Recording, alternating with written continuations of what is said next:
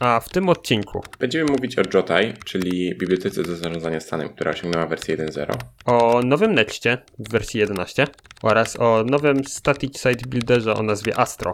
O Vue 3.1.0.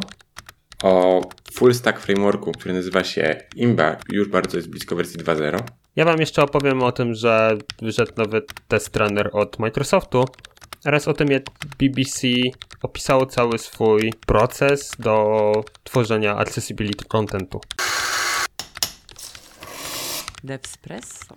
Newsy przedstawi dzisiaj Piotrek. I Franek. Witajcie w 46. odcinku podcastu Devspresso. Jak już usłyszeliście, dzisiaj jest ze mną Franek. Cześć. Miło mi. I opowiemy wam o paru, o paru ciekawych rzeczach. Dobra, Franek, ty pierwszy.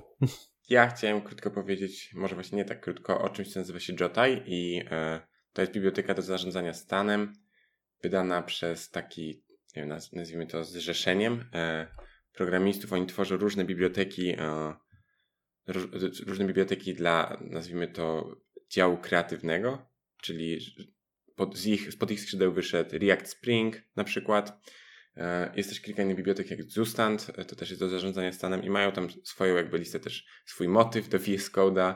Mają kilku takich zdolnych programistów, którzy robią różne animacje e, w Reakcie. No i oni tworzą jakby zarówno różnego rodzaju content, jak i narzędzia, których potem używają sami.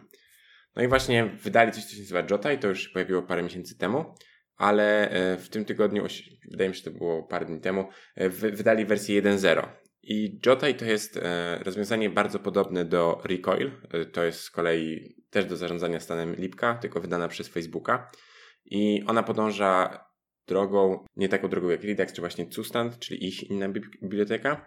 Czyli nie ma jednego centralnego, globalnego stora, z którego następnie wyciągamy to, co nam jest potrzebne, tylko z wielu małych atomów my tworzymy nasz wspólny cały stan. Czyli zamiast od góry w dół, idziemy od dołu w górę. To są jakby dwie główne metodologie.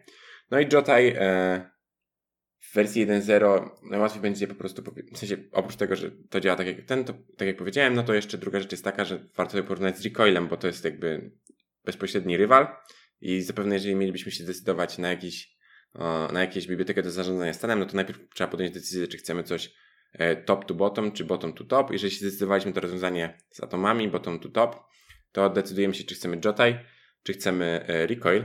I o ile Recoil jest pod tym względem fajny, że jest wspierany przez Facebooka i tworzony, co oznacza, że pewnie e, no jest to trochę bezpieczniejsza opcja pod tym względem. O tyle Jotai ma trochę zalet, które sprawiają, że wydaje się, że jest to w tym momencie lepszy wybór w tej wersji 1.0. Przede wszystkim dlatego, że Recoil ma troszeczkę problemów z wyciekami pamięci. I Recoil przy dużych aplikacjach w szczególności będzie to zauważalne, czytałem troszeczkę opinii od różnych ludzi od, na ten temat. I oni mówią, że w ich większych aplikacjach taki problem się pojawiał. Natomiast Jotai używa javascriptowego Weakmap i dzięki temu korzysta też z, z, z zapewnionego przez silnik JavaScripta garbage kolektora, wobec czego te wycieki pamięci się nie zdarzają. I to jest jakby bardzo ważna rzecz, o której należy pamiętać. Jeżeli macie aplikację, która w tym momencie używa Recoila i zaczynacie uderzać w sufit, bo okazuje się, że te wycieki pamięci sprawiają, że user experience spada, no to być może przerzucenie się na Jotai właśnie rozwiąże wasz problem, a nie powinno być to trudne, bo API jest dosyć podobne, aczkolwiek to w Jota jest troszeczkę y, lżejsze i łatwiejsze w użyciu wydaje się, bo jest jakby mniejsza powierzchnia. Oprócz tego też, y, no tak jak mówię, jest, przez to, że jest lżejszy, no to jest też mniej boilerplate'u, jest też teoretycznie aż 90% mniejszy bundle size, jest mocno nakierunkowany na TypeScripta i wspiera wszelkiego rodzaju typowanie. I ma też troszeczkę, znaczy ma jakby wbudowane wsparcie dla rzeczy takich jak Immer, React Query czy Xstate, dzięki czemu jakby po zaimportowaniu odpowiedniej części z biblioteki będzie nam łatwiej się z tymi bibliotekami e, zintegrować, kiedy używamy jakby dwóch rozwiązań naraz. A w przypadku Recoila, no to trzeba będzie tam jakiegoś rodzaju integracji napisać samemu. Także w tym momencie wydaje się, że przewaga Jotai nad Recoilem, mimo że jakby te dwie biblioteki spełniają to samo zadanie, jest duża i gdybym miał e, teraz zaczynać nowy projekt i decyzją zespołu byłoby, że nie chcemy rozwiązania top to bottom, tylko bottom to top i właśnie tych, mm, tych atomów, to prawie na pewno zdecydowałbym się na Jota i pomimo, że Facebook wspiera Recoil i wydaje się, że to jest bezpieczna opcja, kiedy mamy Reacta od Facebooka i mamy Recoil od Facebooka, to jednak wydaje się, że ten Jotai, pomimo tego, że jest to mniejsza ekipa za tym stojąca, to jest to rozwiązanie w tym momencie po prostu bardziej wydajne i bardziej po prostu lepsze. No nie masz co oszukiwać.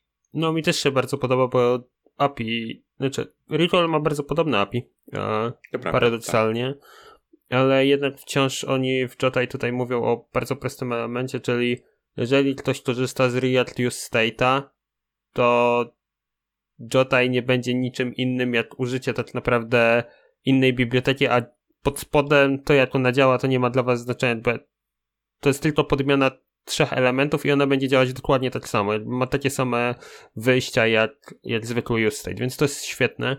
I, I właśnie jest bardzo minimalistyczna ta API, ma TypeScript. Wygląda to bardzo fajnie. No i ma duszka jako maskotkę, co jest w ogóle też cudowne.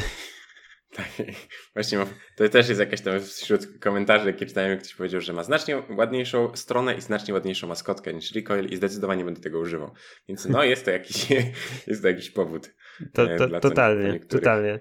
Ja też z chęcią No tak. się pobawię Jotajem przynajmniej, e, spróbuję go w paru aplikacjach. Nie mam, nie mam jakichś wielkich też i, i bardzo kompleks aplikacji, więc pewnie mm, dużej różnicy w performance nie, nie, nie zauważę, ale wciąż z chęcią się sprawdzę. Dobra, bardzo, bardzo fajnie usłyszeć, że nowe biblioteki do zrzucenia nam się pojawiają i rozwiązują część problemów, które mają inne biblioteki, więc to, To to, to, fajnie, to fajnie słyszeć. Słuchajcie, w poprzednim odcinku e, Julet z Łukaszem opowiadali o tym, że miała się odbyć konferencja Nexta i się odbyła, jak najbardziej. I na tejże konferencji Next zapowiedział nową wersję swojego wielkiego frameworku, w sensie właściwie nie Next, tylko Vercel, tak? Czyli, czyli ci ludzie od, od za Nextem.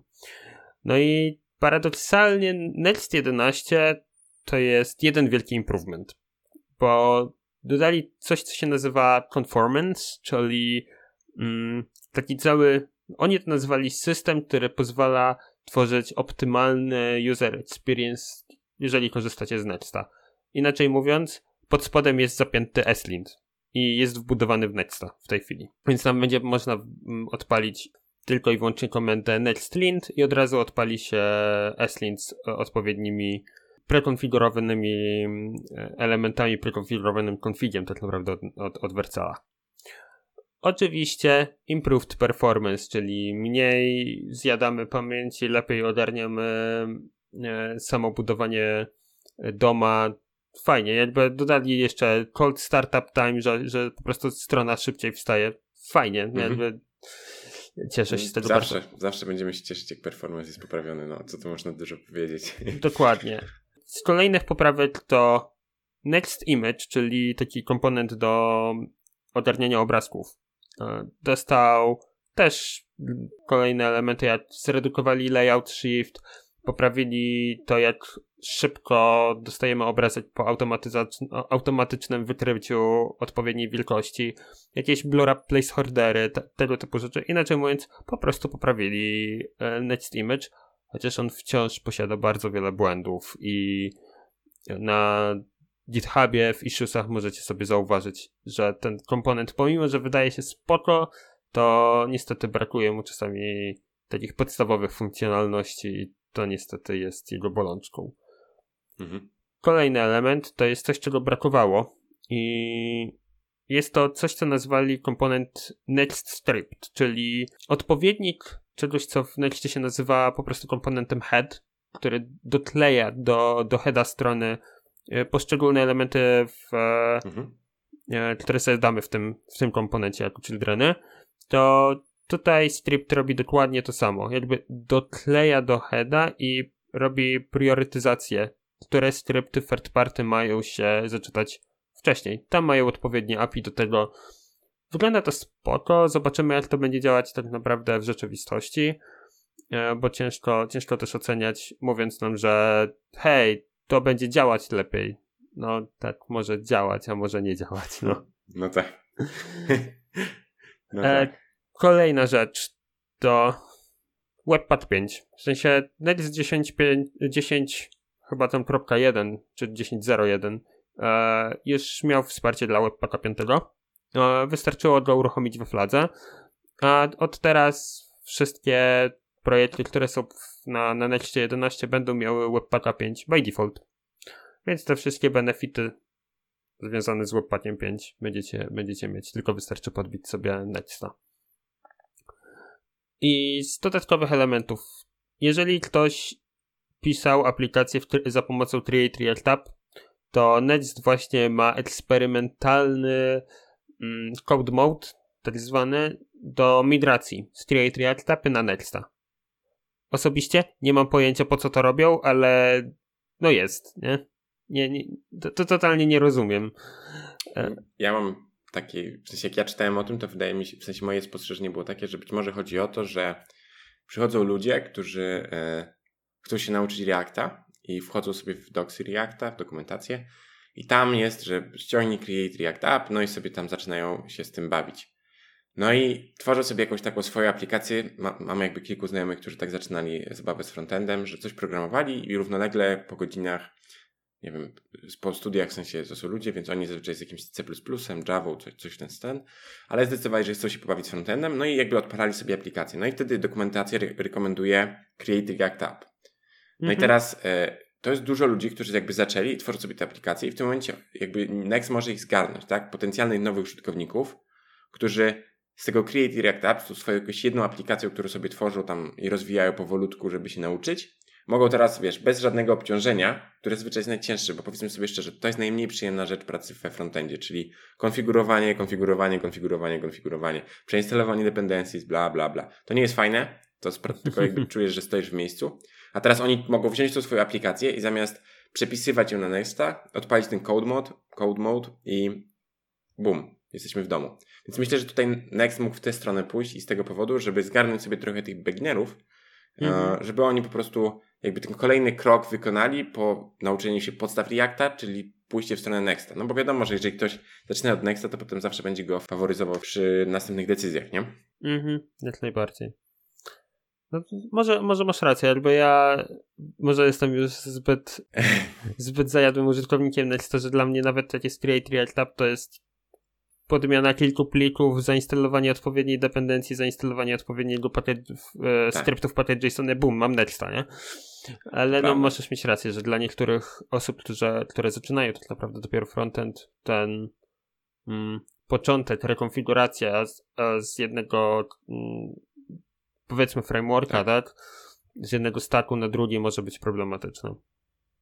No, jakby ja, no ile tam się spotkałem z ludźmi, którzy zaczynali, no to po prostu bardzo się szybko rozszerza e, zakres rzeczy. To znaczy, jeżeli chcemy się nauczyć Reacta, za chwilę musimy się uczyć Node'a, jak działają dependencies, jak działa importowanie, co to jest Webpack, dlaczego Webpack się tak konfiguruje, co tu się dzieje. Jakby po to powstał Create React App, żeby usunąć ten cały problem, żeby można było coś napisać i wypluć bez znajomości tych wszystkich rzeczy. Mm -hmm. No i teraz wydaje mi się, że po prostu to jest dla tych ludzi, którzy przyszli do Create React App, żeby nauczyć się frontendu, a nie za bardzo interesuje ich E, jak to wszystko tam działa pod spodem. I w tym momencie ten code mode trochę im trochę, pomoże. Trochę, no, ale zobaczymy. Zobaczymy. Jakby Też... to jest dopiero eksperymental, więc, Dokładnie. E, więc tutaj część rzeczy może po prostu nie działać. Jasne. I ostatnia rzecz, którą zapowiedzieli i totalnie nie rozumiem, dlaczego zapowiedzieli to w formie, że to jest improvement Nexta 11, bo paradoksalnie to, o czym tutaj mówię, czyli Next.js Live, jest kolejnym portalem, kolejnym serwisem od, od Vercela, nie? Więc mają w tej okay. chwili serwis do hostowania, który działa całkiem nieźle i dodatkowo wspiera e, te Core, Core Web Vitals z telemetrią, więc działa to całkiem mhm. nieźle. Tak teraz Next poszedł w stronę mm, kolejnego serwisu, który pozwala na to, żeby ten kod, który mamy, jeszcze zanim go wrzucimy na produkcję, e, wrzucić na taką instancję Mm, preprodukcyjną, która pozwala na przekodowanie strony w przeglądarce. W sensie mogę dać to koledze z zespołu, e, taka jest teoria przynajmniej, dać koledze z zespołu no. kawałek projektu, on sobie go nie musi w ogóle nic instalować, otwiera mu się podstrona, może sobie otworzyć, tam jest mały, mały edytor kodu, dokodować część elementów, bum, działa. Nie? Może jest okay. też kolaboracja z jakimiś komentarzami i tak dalej. Koncept jest fajny, ale nie sądzę, żeby sprawdzał się stricte dla programistów. Mam wrażenie, że to będzie świetne narzędzie dla połączenia UX-a, UI i programistów, jeszcze dodatkowo biznesu na sam koniec, nie? Mhm. Bo, bo my jednak, deweloperzy jednak pracują częściej na dzicie, nie? I, i sobie No i, tak. i tak ten kod sobie pobiorą i tak i odpalał u siebie. Ewentualnie skorzystają ze Starblitza, który też jest super. Ale tam też jest git. No. Więc jakby sam koncept mi się podoba, ale mm, nie uważam, że to jest stricte dla deweloperów, bardziej dla całej reszty, która deweloperem nie jest, nie? Prawda. No, znaczy na pewno, jeżeli chodzi o Versel sam sobie, to większość ich ruchów y, jako y, firmy i w trakcie to, to, jak rozwijają swoje produkty, jest mocno, w sensie mi się to akurat bardzo podobało, bo często jest osadzona na solidnym fundamencie, czyli im z badań wychodzi, że to i to, o to klienci pytali, oni mają ciągle, zbierają jakby feedback od swoich klientów, co działa, co nie. Więc jeżeli zdecydowali się, że warto zainwestować w coś takiego czas, czyli zarazem pieniądze, zamiast rozwijać coś, co już istnieje, to znaczy, że gdzieś ta nisza jest. Być może to jest ta, o której wspomniałeś, może jest coś, o czym my też nie wiemy. Znaczy, na pewno jest coś, o czym my nie wiemy. E, ale wydaje się, że jeżeli aż tak mocno w to poszli, no to jest powód, żeby, żeby tego użyć. Ja też osobiście, tak jak mówisz, e, zdecydowanie preferuję edytować na swoim komputerze. Nie lubię mieć nie swojego edytora, bez moich skrótów klawiszowych i tak dalej, i tak więc ja wolę Gita i wolę robić to wszystko ręcznie. No, ale Ale- może, może gdzieś jest, gdzieś jest ta nisza, na, znaczy na pewno gdzieś jest ta nisza. Na pewno. A jak już jesteśmy przy Nexcie i wiemy, że on na Mhm. początku zaczynał od bycia takim static site builderem, nadal tak naprawdę jest e, w jakiejś No, tam sumie części, Tak. mm, to z ciekawych newsów właśnie ostatnio wyszedł nowy static site builder, e, który się nazywa Astro. I Mhm. Astro powstał od osób, które pracowały nad Snowpackiem i Skypackiem, czyli tymi rzeczami, które de facto miały nam zastąpić Webpacka w jakiejś tam formie. I, i są szybsze, bo są zbudowane na, na ES-buildzie, oba narzędzia, więc działa to, to, działa to całkiem fajnie. No i ktoś, ktoś, deweloperzy, część deweloperów stwierdziła, że kurde, ale ten Next korzysta z Webpacka i to jest wolne, przekonfigurowanie go na ES-builda jest trudne, po prostu. Mhm. Więc zbudowali własny static site builder. E, Mhm. I on ma kilka elementów. Pierwsze, oczywiście jest SEO enabled. By Mhm. default. No tak. E, oczywiście wspiera TypeScript, wspiera CSS modules, SASy, Tailwinda, Markdown, MDX-a i inne pakiety NPM. O tym nie trzeba mówić, nie? Ale teraz tak. E, ten Static Site Builder ma coś, co się nazywa Bring Your Own Framework, czyli możemy sobie wziąć Reacta, możemy sobie wziąć Preacta, może Svelte, a może masz ochotę pisać w web komponentach. Nie ma tu znaczenia. Jakby Mhm. możesz wsadzić do Astro każdy z tych, powiedzmy, nawet nie frameworków, a bardziej bibliotek, bo nie ma tutaj wymienionego na przykład Angulara, tylko jest właśnie React, Svelte, Vue, React, Web Components, czy po prostu zwykły HTML z, JS-em.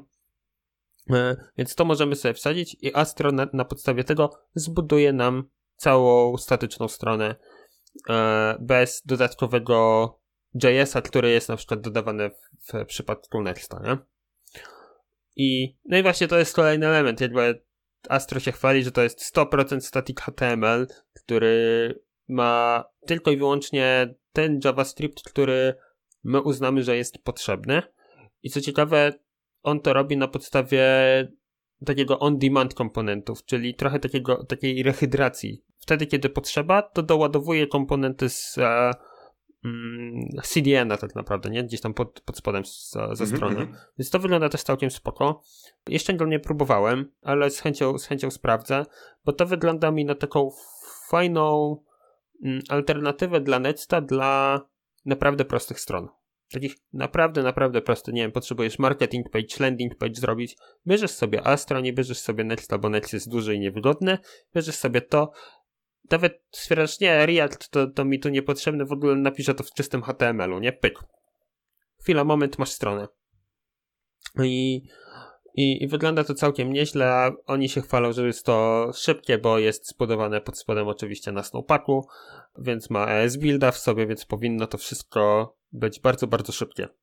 I, i wydaje się, że takowe, takowe jest. Tak, ja też trochę o tym czytałem, też mi się to podoba. Zakładam, że Angulara nie ma wśród wspieranych frameworków, dlatego że nie możesz wziąć samego Angulara, tak jak możesz wziąć samego Reacta. To jednak jest wszystko jedna duża machina z tym wszystkim, co Angular zapewnia, więc trochę to pewnie nie pasuje do tego Mhm. konceptu tutaj. E, ale tak, e, to Astro wygląda bardzo interesująco.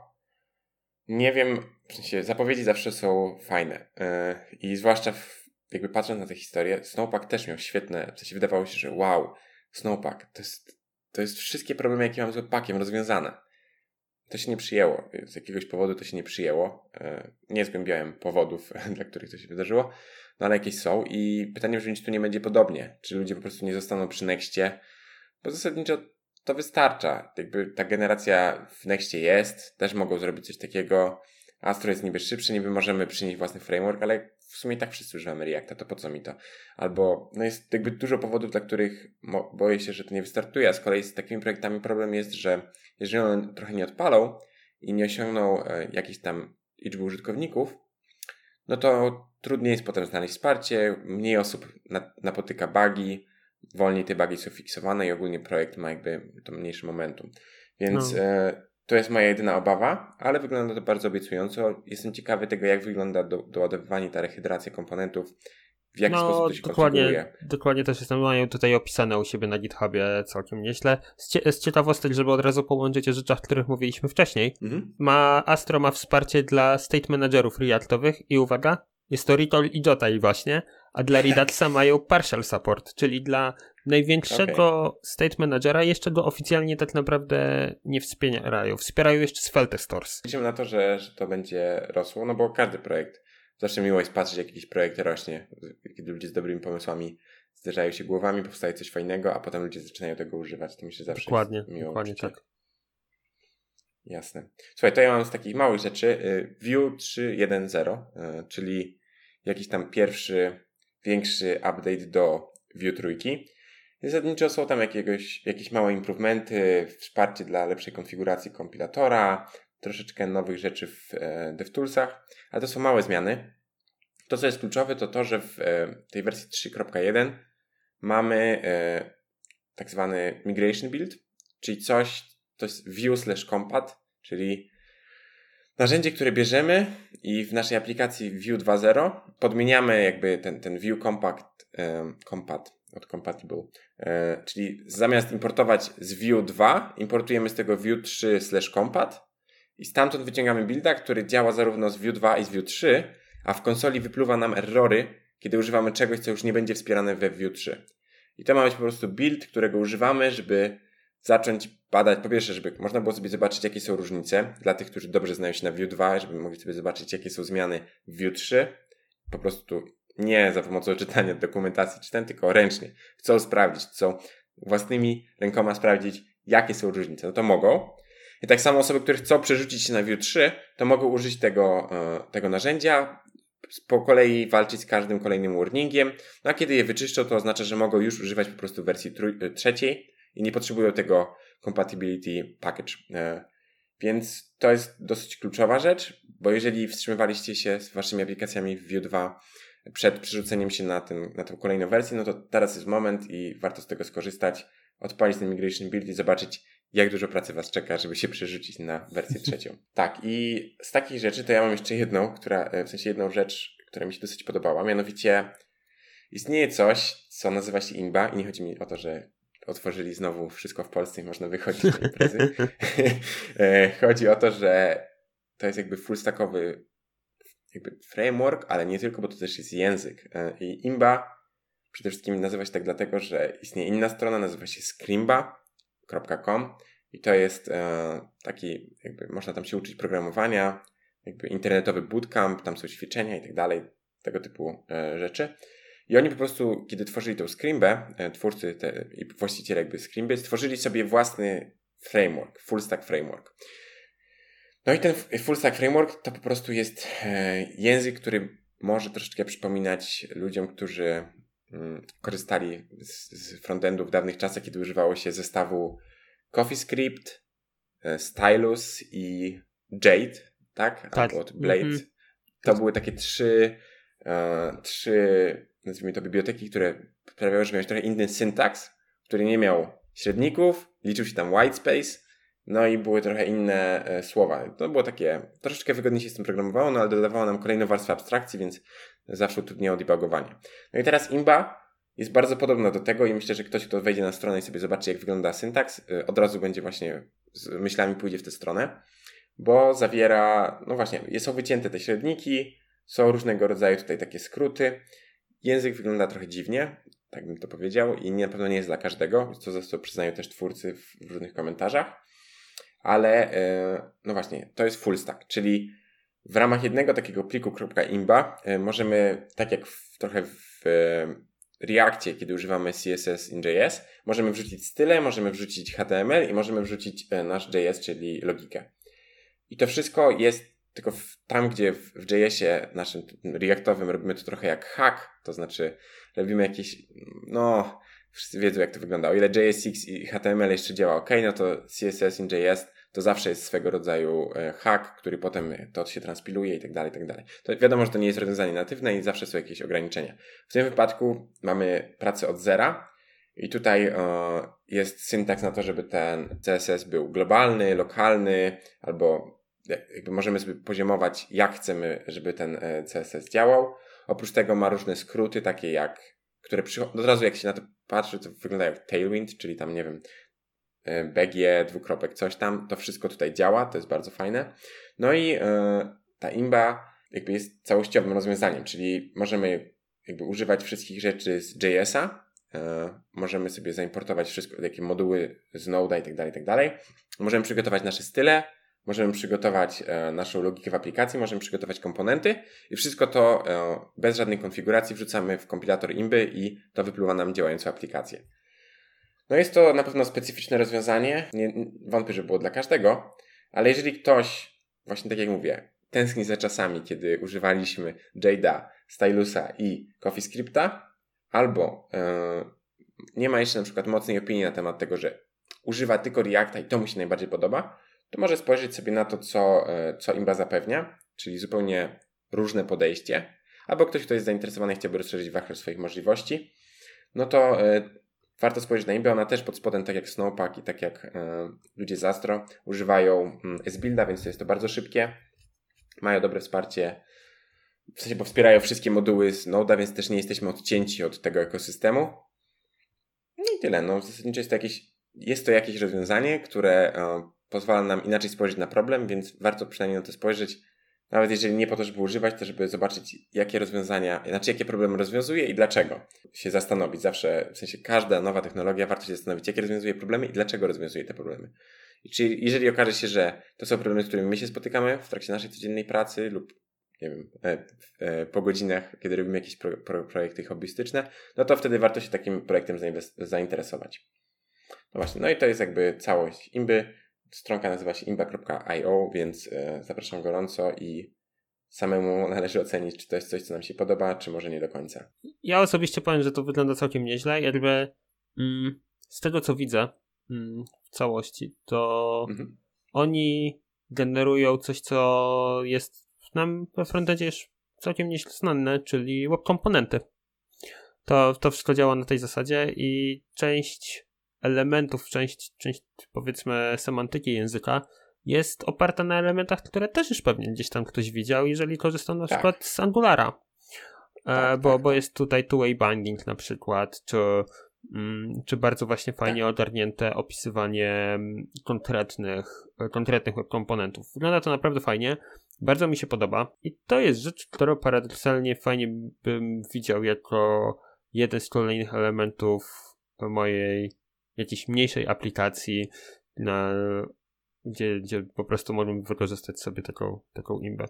To kolejna rzecz, jeżeli chodzi o, o takie ciekawsze narzędzia nowe.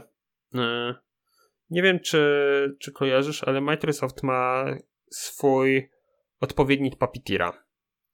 I. Mm, nie, nie kojarzę. No, to jest coś takiego, się nazywa Playwright. I Playwright jest właśnie odpowiednikiem Puppeteera do testowania aplikacji end-to-end, -end, który sprawdza nam nie tylko aplikacje w Chromie, czyli tak naprawdę na V8, ale sprawdza także WebKita i sprawdza okay. jeszcze ten engine Firefox, już nie pamiętam jego nazwy w tej chwili, bo oni tam tak, zmieniali. To powiedziałbym nawet, że to jest lepsze niż, w zasadzie, bo Puppeteer to jest tylko do automatyzacji Chroma, a tutaj nawet bym powiedział, że rywalizują z Selenium, co jest, e, jakby Selenium zazwyczaj było tym królem, miało specjalne API, ale... Królem testu, y testów end-to-end, tak, zgadza tak, się. Bo... Mhm. A tutaj tak, no Playwright roz, rozwiązuje nam jakby API jest bardzo podobne do Puppeteera, a, a pod spodem robi testy na, na trzech przeglądarkach, nie? I, I wygląda to całkiem nieźle. No i ostatnimi czasy Playwright jest w tej chwili bardziej, jakby dokładniej rozwijany na MS Buildzie, też, też o nim wspominali.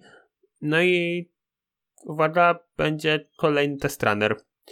I będzie się nazywał po prostu Playwright Test Runner, który ma być tak naprawdę runnerem tych testów playwrightowych. I co ciekawe, e, oni chcą w przyszłości w ogóle wywalić koncept playwrighta jako jednej wielkiej biblioteki, tylko podzielić ją na mniejsze elementy i runner będzie mógł e, być uruchomiony bez w ogóle posiadania dependencji tej, tego cora, nie? Będziesz miał po prostu runner i odpalasz sobie na nim testy, nie? A jeżeli chcesz, będziesz chciał kolejne elementy dorzucić, no to po prostu dodatkowe biblioteki będą do, dorzucone. Bardzo fajny, fajny koncept, bo, bo to powoduje, że mamy bardziej atomiczne podejście mm, i najmniej no tak naprawdę be, bezużytecznego kodu jest w naszych node modułusach, tylko mamy to, co rzeczywiście jest nam potrzebne. No i jakby to, to, co też myślę, że się wydarzy bardzo szybko, e, to to, że jakby kiedy pojawi się runner e, i e, będzie możliwość, tak jak mówisz, korzystania z różnych rzeczy pod spodem, w zależności od potrzeb, to pewnie pojawi się dużo rozwiązań w chmurze, które będą pozwalać na to, żeby tylko w naszym CI czy CD podpiąć się po prostu do już istniejącego jakiejś przeglądarki, którą stoi na czyimś serwerze i my nie będziemy musieli przygotowywać infrastruktury, bo wiem, że z Dokładnie. tym zawsze był problem z Selenium, że setupowanie tych przeglądarek tutaj brakowało, bo to przeglądarki zawsze mają, muszą mieć jakby rendering, no jest ten software rendering, ale zawsze jest skomplikowane, potrzebujemy różnych rzeczy, żeby to odpalić tak właściwie. E, I myślę, że tutaj na pewno to pomogło, gdybyśmy mieli dostęp do e, tego rodzaju e, narzędzia, czyli że u siebie odpalamy lokalnie, a tutaj podmieniamy tylko, że nie chcemy lokalnie, tylko chcemy z jakiegoś tam adresu, bam i, i jesteśmy w domu. No ja też tak to, dokładnie tak to widzę, że to, to pozwoli bardziej Mm, kompleksowo rozwiązać problem testów end-to-end na e, w zupełnie tak. bardziej, bardziej open source'owym tak naprawdę rozwiązaniem. Mhm. No więc Playwright Test Runner jest nowym, ciekawym rozwiązaniem. Wejdzie w którejś kolejnej wersji Playwrighta. Na razie jest to oznaczone jako wersja tam at next, czyli nie wiadomo kiedy wejdzie w kolejnej mhm. wersji, nie?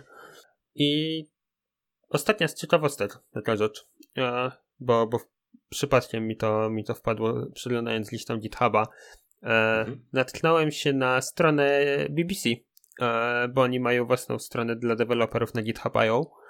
Na bbc.github.io jest artykuł o tym, jak BBC ma proces, który pozwala im tworzyć strony, które mają po prostu dobre accessibility. I ten proces jest bardzo prosty i, i wygląda tak. Deweloper bierze sobie ticket, który mówi o tym, że ma coś zrobić. Zanim on zacznie go dewelopować, to oddaje ten ticket tak naprawdę do mm, screen readera, który mhm. sprawdza, jak to ma mniej więcej UX-owo wyglądać. Później jest podawane, jakie ma być acceptance criteria dla tego, dla tego ticketa, nie? dla tego, co mamy zrobić, i dopiero wtedy e, deweloper zaczyna pisać kod. Napisze sobie kod i puszcza go przez e, Assistive Techa, czyli ma, mamy, nie wiem, voice-over na, na Macu, mamy część elementów do sprawdzania kontrastów, robi to ręcznie mhm. w jakiejś części. Jakby bardzo podstawowe elementy, to co się da. Mamy w tej chwili mnóstwo fajnych pluginów do przeglądarek, więc nie wymaga to dużo pracy, żeby tak bardzo prosto, szybko przelecieć, e, czy, czy to co mamy nam się nam się sprawdza i czy, czy działa z tymi Assistive Technologies. Kolejna rzecz to są automatyczne testy, które mają testy po prostu dla accessibility i w ostatnim rzucie jest sprawdzanie designu i kodu czy to jest rzeczywiście accessible. I tutaj mamy oczywiście już manualne testy robione przez zespół e, QA-owo-UX-owy, accessibility, jakiś, jakiś ekspertów, nie? Więc oni to robią sobie ręcznie i w, dopiero na samym końcu jest to wrzucane na mm, test environment. I dopiero na test environmencie, jeżeli ktoś to klepnie, to idzie to na produkcję. Czyli ten proces jest end-to-end tak naprawdę. Ma przygotowanie pod, pod accessibility. Bardzo mi się to podoba i sam osobiście nie wiem, czy gdzieś w jakiejś części nie, nie wdrożę tego u siebie w, e, firmie, jak się uda. Okej, okay. fajnie. No, wygląda to naprawdę fajnie. fajnie, bo accessibility niestety jest bardzo ważne. Pamiętajcie o tym, jak piszecie swoje aplikacje, bo niestety w dzisiejszych czasach się zapomina, a nie wymaga to aż tak dużo pracy, żeby właśnie, wasza aplikacja była accessible. To jest właśnie najważniejsze, wydaje mi się, że e, kiedy jakby zapoznamy się raz czy dwa razy, przejrzymy i będziemy wiedzieć, jak to accessibility się implementuje, to tak naprawdę e, to jest bardzo proste. W sensie to nie jest dużo pracy, żeby ta strona była accessible. Kiedy robimy to na bieżąco, w trakcie developmentu, dodajemy, nie wiem, labele na przyciskach, czy takie rzeczy. To, to są małe rzeczy, które naprawdę łatwo i szybko się robi. Natomiast jeżeli o tym zapomnimy, jeżeli robimy całą aplikację, a potem ktoś sobie na końcu przypomni, aha, czekajcie, accessibility, bo nas za chwilę ktoś pozwie. To jest oczywiście możliwe. No to wtedy jest problem, bo wtedy trzeba dużo jakby kamieni podnieść i poprzewracać, żeby, e, żeby to wszystko doprowadzić do porządku. Wtedy to jest problem, wtedy to jest dużo pracy. Natomiast kiedy robi się to na bieżąco i, i ma się to w głowie, no to nie, wcale nie, wcale nie jest to ciężkie. Tylko właśnie dlatego najlepiej się zapoznać z takimi rzeczami i robić je na bieżąco, bo wtedy to nie jest dużo pracy. Dokładnie tak, dokładnie tak. Słuchajcie, na ten, na ten moment to, ode mnie wszystko. Ode mnie też. Zapraszam Was do subskrypcji, zapraszam Was do lajkowania, komentowania, odpowiadamy, przynajmniej próbujemy na bieżąco. Uwaga, zapraszamy Was też na Discorda. Mam nadzieję, że zostanie tutaj link w opisie odcinka podłączony. Ale mamy Discorda, możecie się do niego podłączyć. Mamy całą. Próbujemy z Wami zacząć rozmawiać jako, jako e, takie community. Więc fajnie będzie, jak, jak też do, do nas przyjdziecie i będziemy mogli sobie pogadać o, o developmencie. Z dużą chęcią posłuchamy, że nie mamy racji. W sensie Dokładnie dobrze tak. jest zawsze usłyszeć trochę krytyki i jeżeli jakieś tutaj opinie, które padły w trakcie e, tego odcinka uważacie za nieprawdziwe, to ja na przykład chęcią posłucham, bo ja mam akurat taką tendencję do mówienia, co ja sobie uważam, no a to nie zawsze wszystko jest prawda, więc jeżeli ktoś ma inne zdanie, to zapraszamy do dyskusji. Dokładnie tak. Do usłyszenia w następnym odcinku. Trzymajcie się. Hej. Cześć.